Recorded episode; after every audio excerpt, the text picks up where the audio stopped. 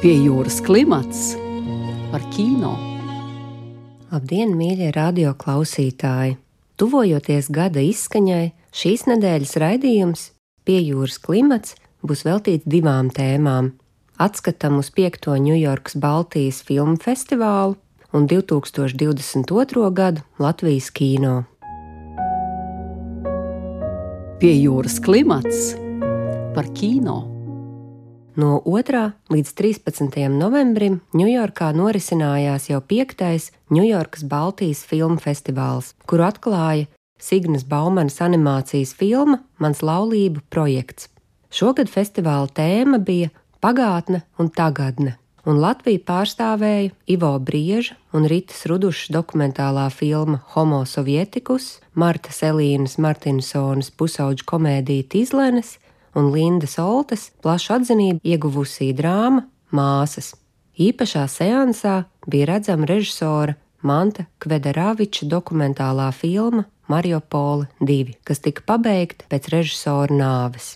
Igaunija pārstāvēja režisori Jāks Kilmī, Ivārs Murts, Kaupo Krūsjauks un Mīls Paljale, bet Lietuvu Kristijonas Vilģjūnas, Emīlija Škarnulīte un Laurinas Bareiša.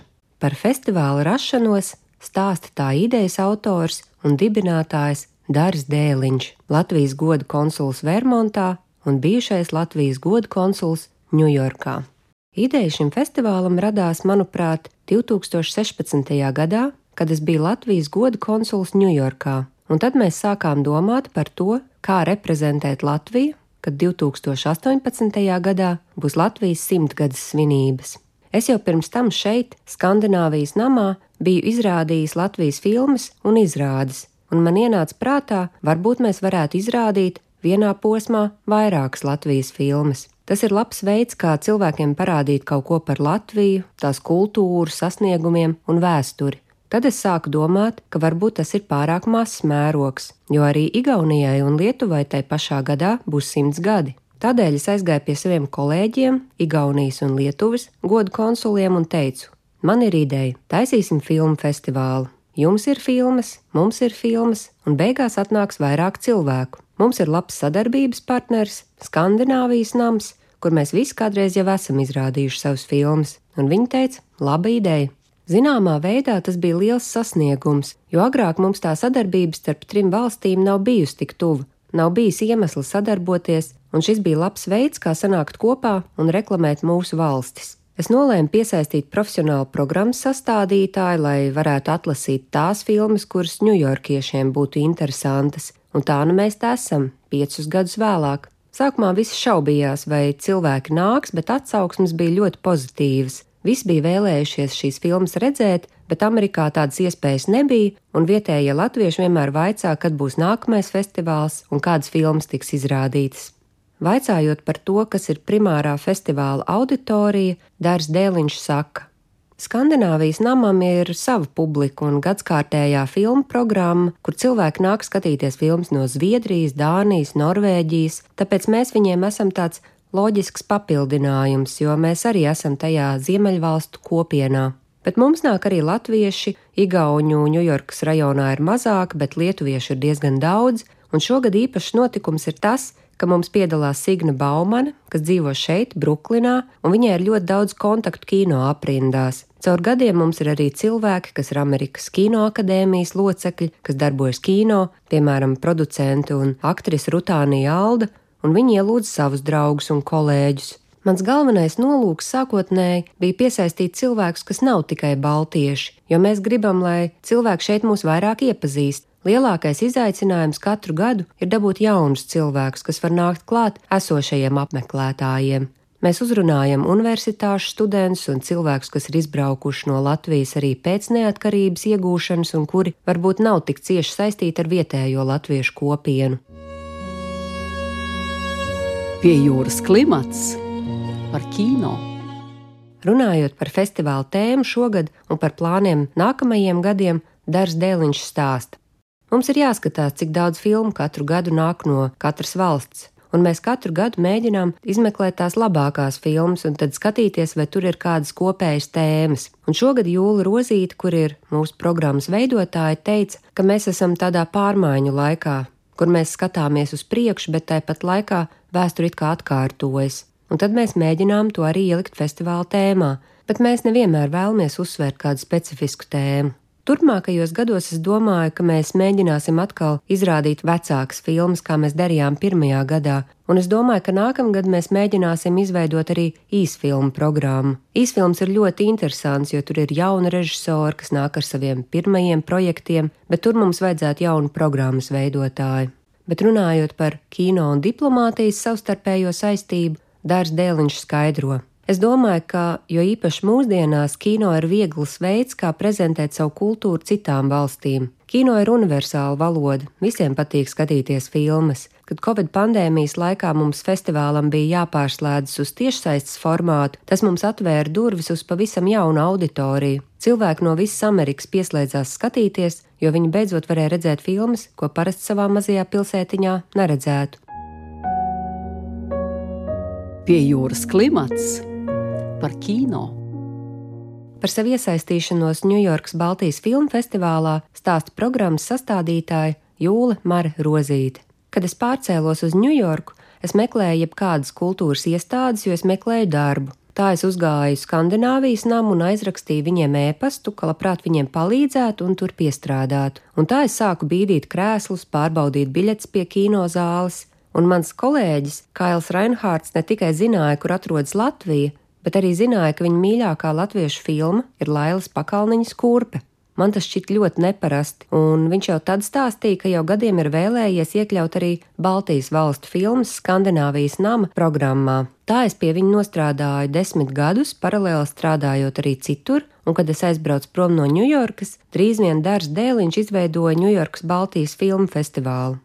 Pirmajā gadā es tur nebiju iesaistīta, bet tad Kails ieteica mani, jo zināja, ka man ir nepieciešamā pieredze, ka es pazīstu Baltijas vidi un ka man ir arī kinofestivāla pieredze, un tā es sāku veidot festivāla programmu. Man ļoti patika, ka es varēju fokusēties uz kaut ko konkrētāku, jo, kad tu strādā lielos festivālos, tev ir jāpārzina mazliet no visa. Tā, protams, ir ļoti laba skola, bet man tas īsti nepatika. Man vienmēr ir interesējis Austrum Eiropas kino un Baltija. Par šī gada programmu pagātne un tagadne Jūla Rozīte stāsta. Pagājušajā gadā mums bija 12 filmas, 4 no katras valsts, un mēs to paturējām arī uz šo gadu. Vienmēr ir jādomā vismaz pa vienai dokumentālai filmai no katras valsts, un tad mēs mēģinām dabūt zināmu līdzsvaru. Piemēram, kādu komēdiju vai filmu, kas būtu piemērotāka bērniem, tā puzle kaut kā veidojas, un tēma man radās pēc Ukrainas kara sākuma un pašas pārdomām bet tie temati ir tādi, Ne jau katra filma īpaši atspoguļo kādu dziļāku filozofiju, bet visumā man ļoti patīk kaut ko pateikt ar savu programmu, jo to tad atspoguļo tālāk, un man bija svarīgi, ja cilvēki kādā preses relīzē uztver to manu domu un tādējādi iepazīst mazliet to, kā cilvēki Baltijas valstīs domā. Tā tēma patiesībā ir vairāk svarīga, lai varētu ielikt preses relīzē tādu fragmentu, kas izceļas un uzrunā cilvēkus. Par festivāla auditoriju Jūla Rozīte skaidro. Lielākā daļa ir vai nu no Baltijas valstīm vai ar kādu saistību ar tām. Mēs jau gribam, lai vairāk vietējie nāk un iepazīst Baltijas kino, ko mums mazliet izjauc Covid pandēmija. Tas bija festivāla trešais gads, un, lai arī kāda auditorija mēs bijām sākuši būvēt, tas to visu mazliet sabrucināja bet tajā gadā bija ļoti interesanti, jo visas filmas bija tikai tiešsaistē, un pēc tam mēs izsūtījām aptauju, jo mūs interesēja, no kurienes cilvēki skatījās. Un bija ļoti interesants atbildes no Aļaskas, Kalifornijas un no vietām, kuras nekad neesmu bijusi. Viņi arī ļoti novērtēja to programmu, jo viņiem ļoti reti sanāk dzirdēt savu valodu. Bija arī studenti, kas šeit mācās baltu filoloģiju, un viņiem tas noderēja studijām. Tiesa mums tiešsaistes skatītāju skaits ir nedaudz krities, jo šķiet, ka cilvēki ir noguruši no interneta un jādomā atkal kāds jauns formāts. Par to, vai Jūlai Marai Rozītei ir radies pašai kāds kopsaucējs par Baltijas kino, viņa saka, Es neteiktu, ka ir tāda kopēja Baltijas estētika, es saredzu igauņu un lietuviešu estētiku. Par latviešu man tas laikam ir pārāk tuvu, es neredzu tādu vienu kopsaucēju. Bet igauņiem raksturīgi ir humora izjūta, tādas sausas filmas, bet ar asumu. Tā var būt gan krāšņa komēdija, gan kā filma Sandra dabū darbu. ļoti notušēta, bet piemiedz ar acis skatītājam. Viņa par sevi daudz joko un neuztver sev pārāk nopietni. Lietuviešiem atkal vienmēr ir lēna, plūstoša kamera poētiskums. Filma Pilgrim ir labs piemērs. Viņa savu stāstu stāsta mierīgi un ar pārliecību. Latviešu filmas, manuprāt, varbūt ir daudzveidīgāks, bet domāju, ka to labāk varētu nokomentēt kāds no malas. Par festivāla nākotni un plāniem Jūla Rozīta stāsta. Mēs gribam vairāk izvērst paneļa diskusijas un sarunas pēc filmām, piemēram, kāda bija saruna pēc filmas Mario Polo 2 un diskusija pēc filmas Homo Sovietikus. Uz tām nāk vairāk cilvēku, varbūt pat atlasīt mazāk filmu, bet veidot vairāk pievienotās vērtības un pasākumu. Jo šobrīd jau visām kultūras iestādēm ir jācīnās par apmeklētājiem, pat tādām kā Moma, konkurence ir milzīga. Pie jūras klimats par kino. Toties par 2022. gada pašmāju kino daudzveidību un kino maratonu attālinātā sarunā stāsta Nacionālā kinocentra vadītāja Dita Rietuma. Kāds izvērtās pašmāju kino maratons un kuras no filmām būtu īpaši izceļams, jo iemantoja plašāku skatītāju atzinību? Latvijas filmu maratons uzņēma straujas apgriezienus septembrī, kad uh, klajā nāca virkne filmu, kuras bija gaidījušas savām pirmizrādēm jau te ir divus gadus. Kas notika pēdējos divus gadus, mēs visi ļoti labi zinām. Mēs dzīvojam savādā matriksā, mēs dzīvojam pandēmijas laikā.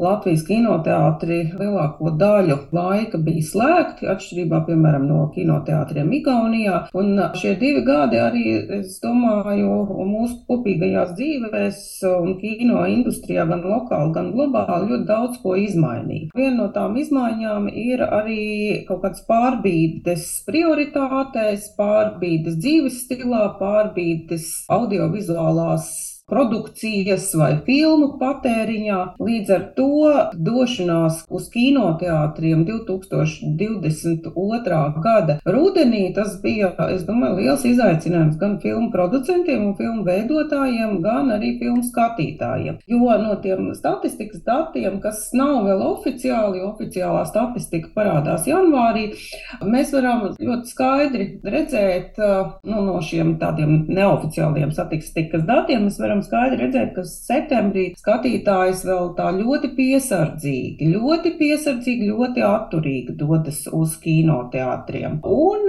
pamazām, pamazām tās ceļš kļūst iestaigātāks un tā interese par filmām aug. Tā kā būtībā trīs mēnešu laikā, septembris, oktobris, novembris, interese par latviešu filmām nenoliedzami palielinājās. Un šajā filmu maratonā, kurā bija plānots parādīt 20 filmas, vairums no tām spēļu filmas, bet to vidū arī virkni dokumentālo filmu, ne visas šīs filmas tika parādītas. Vairāki producenti pārcēla pirmizrādes uz vēlāku laiku, pamatā tehnisku iemeslu dēļ. Tad nebija kaut kas pabeigts, nebija kaut kas izdarīts.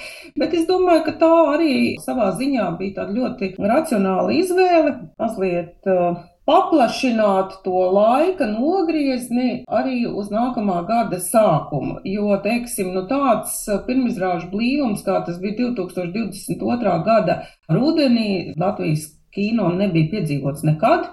Arī simtgadus programmā Arī tad šis filmu izrādīšanas blīvums nebija tik intensīvs, jo principā septembrī, oktobrī, novembrī 2022. gadā Katru nedēļu bija Latvijas filmas pirmizrāde. Vai tas bija labi vai netik labi? Domāju, ka šajā visā pirmizrāžu intensitātē var atrast gan pozitīvās lietas, gan arī varbūt netik pozitīvās lietas. Un par tām pozitīvajām lietām jāsaka tiešām, ka tomēr tās Latvijas filmas iesildīja vienu otru un palielināja kopīgo skatītāju interesi. Kāpēc es tā spriežu? Tāpēc, ka arī kinocentram bija tāda neliela akcija, to tā var nosaukt noskaties piecas Latvijas filmas, atsūti filmu biļetes un saņem dāvanā vērtīgu grāmatu par kino vēsturi un kino nozari. Un bija ļoti daudz cilvēku, kas tiešām gāja uz šīm filmām, sūtīja biļetes, ne tikai biļetes, bet arī sirsnīgus ēpastus, ka paldies par šo iniciatīvu. Es nekad nebūtu gājis vai gājus uz piecām Latvijas filmām tik īsā laika posmā, bet tagad es biju bija ļoti interesanti, bija ļoti dažādi dažāda pieredze, bet, var sakot, paldies. Nu, tātad īsumā šī arī bija unikāla pieredze, un, protams, to filmu vidū, kas piedzīvoja pirmizrādes, bija gan filmas, kam izdevās uzrunāt plašāku skatītāju auditoriju, gan bija arī filmas, kam neiz, tas neizdevās, bet tā tas ir vienmēr, tā tas ir bijis vienmēr, un par to arī nav pat īpaši ko brīnīties tā oficiālā statistika tik tiešām būs tikai janvārī, bet nu, no arī šiem neoficiālajiem datiem mēs varam spriest, ka latviešu skatītāju kalmē nekas īpaši nav mainījies. Latvijas skatītājs ļoti ciena vēsturiskā žanra filmas vai filmas, kurās ir vēstures elements. Latvijas skatītājs mīl komēdijas. Jā, nu tad arī tās veiksmīgākās šī rudens filmas ir tās, kas piedāvāja skatu uz vēsturi. Tā ir filma Janvārs, un tā ir arī Elsa Gaujas filma komēdija, kas tika veidot par ļoti ierobežotiem līdzekļiem. Filmas nosaukums Māma vēl smaida, un pat labāk vēl ļoti intensīvā darba procesā, ja to tā var nosaukt, ir divas Ziemassvētku filmas, kas ir mērķētas paredzēts ģimenes auditorijai, un arī tas ir tas žanrs, kas parasti ir ļoti sekmīgs Latvijā. Tātad vēsturiskās filmas, komēdijas un filmas ģimenes auditorijai. Īsumā es varu secināt, ka pandēmija neko nav izmainījusi Latvijas kino skatītāju attieksmē pret iemīļotajiem žanriem. Kā varētu raksturot šo gadu kino, kādas ir tendences un ko tas varētu liecināt par Latvijas kino nākotni? Jā, pilnīgi noteikti ir vērts uzsvērt, ka līdzās no tādiem atzītiem pusmūža klasiķiem, kāds nenoliedzami ir viesturs Kairišs, kur janvāris ir arī starptautiski visplašāk uh, izskanējusi šī gada Latvijas filma. Līdzās šīs paudzes režisoriem un viņu darbiem ir jauni vārdi, jauni autori. Man ļoti gribētos pieminēt uh, režisoru Lindu Olti, kuras filma Māsas bija gan sociāli skaudrs darbs, gan kinematogrāfiski ļoti spēcīgs darbs, un arī šī filma ir samērā veiksmīga auditorijas rādītāju ziņā. Nu, varbūt uh, tēma sievietes režisors jau var šķist tāda pārāk bieži locīta un apnicīga un, un konjunktūriska, bet jāsaka, ka Tik tiešām sievietes režisors ir piedāvājušas ļoti veiksmīgus darbus, proti, gan Linda Olte, debitante, gan Elza Gauja, debitante. Viņa veidoja manis jau pieminēto komēdiju Māma vēl smaida. Arī tapšanas procesā ir vairāku režisoru darbi. Šīs filmas piedzīvos pirmizrādi, cerams, nākamgad vai aiznākamgad. Tas ir gan Lienas Lindas Melnais Samts, gan Ilzes kungas dzīve pārtraukta, gan Signes Birkovas filmā. Vārds sakot, ir virkne ļoti, ļoti interesantu jaunu režisoru, profesijā jaunu, pēc vecuma vairs netik jaunu darbi, kas ir gan pabeigti, gan procesā. Noteikti ļoti, ļoti spēcīgi Latvijas kino iezīmējās animācijas sadaļa. Es pat gribētu teikt, ka startautiski šī sadaļa ir pēdējos gados bijusi visveiksmīgākā. Šogad tā ir Eiropas Kino akadēmijas balvas nominācija Signas Baumanas filmetrāžas animācijas filmai. Un arī Latvijas animācija ir guvusi balvas pēdējo gadu ANSI festivālā, kas ir svarīgākais pasaules kino festivāls tieši animācijas filmai filmām, un pat labāk tajā ražošanas procesā dažādos etapos ir vairākas animācijas filmas. Un, lai nepaliktu nepieminēts vēl viens spilgts ienācējs Latvijas kino, man jāpiemina Matīs Kažu, ļoti spilgts, ļoti aktīvs, pat hiperaktīvs, talantīgs jauns cilvēks, kurš gan producē, gan režisē, viņa filma Neon pavasaris, manuprāt, ir arī viens no veiksmīgākajiem šī gada Latvijas kino darbiem. Diemžēl šī filma kaut kādā paradoxālā veidā neparādās lielā Kristapa nominācijās, bet tas nenoliedzami ir ļoti būtisks darbs Latvijas kino procesam, tieši tāpēc, ka piedāvā ļoti jaunu cilvēku skatījumu uz mūsdienu pasauli. Un nu, tik jaunu un tik profesionālu cilvēku versija par Latviju 2020. gados nu, Latvijas kino pieredzē nav bijusi un varbūt varētu mazliet iezīmēt, kas kino skatītājus un mīļotājus sagaida nākamajā gadā. Nu, mēs pilnīgi noteikti zinām, ka pavasarī tiks pirmizrādīta filma Mācis Piens, kas tika plānot jau pirmizrādīt šoruden, bet uh, pārvirzījās uz pavasari. Domāju, ka šis būs uh, darbs, kas uh, piesaistīs gan ļoti daudz skatītāju. Nu, iemesls ir pašsaprotams, tā ir ļoti slavena grāmata, ļoti spēcīgs Noras Ikstenes romāns, bet arī Ināras Kolmanas iepriekšējais darbs, filma Bilda bija ļoti augsts novērtēta, īpaši Latvijas auditorijā, tā kā šai filmai ir milzīgs potenciāls piesaistīt skatītājs. Un jāsaka, tas ir viens no tādiem lielākajiem notikumiem Ļoti, ļoti gaidām arī Jūra Poškus filmu Saulspīd 24 stundas, kas cerams tiks pirmizrādīta pavasarī. Tie tie lielākie varbūt notikumi, pasākumi, kurus vērts pieminēt. Ir arī virkne dokumentālu filmu, kas gaida pirmizrādes, piemēram, Unas Cēlmas filmu 60. gadu meitenes, kas arī tāda feministiski risināts stāsts. Viņas kādreiz populārās dokumentālās filmas turpinājums ir filma Podnieks par podnieku, tātad veltīts klasiķim Jurim Podniekam, un arī daudz citu darbi, bet nu, pirms nav arī sastādīts filmu pirmizrāžu kalendārs, nu, vairāk es arī negribētu skaļi saukt nosaukumus. Būtiski ir arī saprast to, ka filmu pirmizrādes bieži vien ir atkarīgas arī no tā, vai konkrētā filma tiek uzaicināta dalībai kādā nozīmīgā startautiskā festivālā, un tad pilnīgi visu filmu veidotāji vēlās, lai filmas tiktu pirmizrādītas startautiskos festivālos, un tādā gadījumā ir jāceļ nacionālā pirmizrāde vai jāpār jāpārceļ, jo startautiskie festivāli,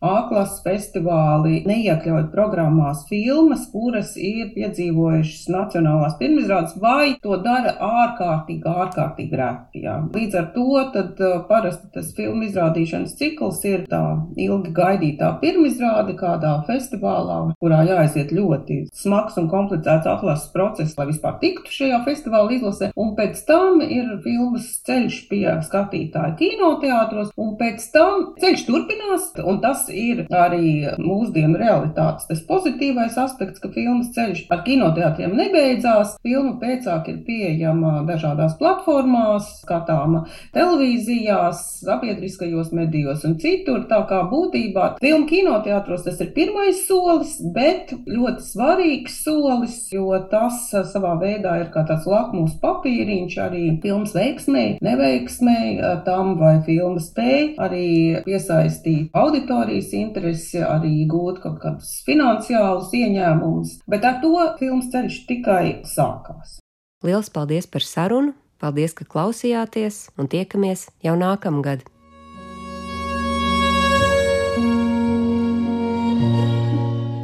Raidījumu vadīja Marta Elīna Martinsone, montēja Andra Černievska, raidījumu pie jūras klimats producente Inga Saksona. Raidījums tapis ar valsts kultūra kapitāla fonda finansiālu atbalstu.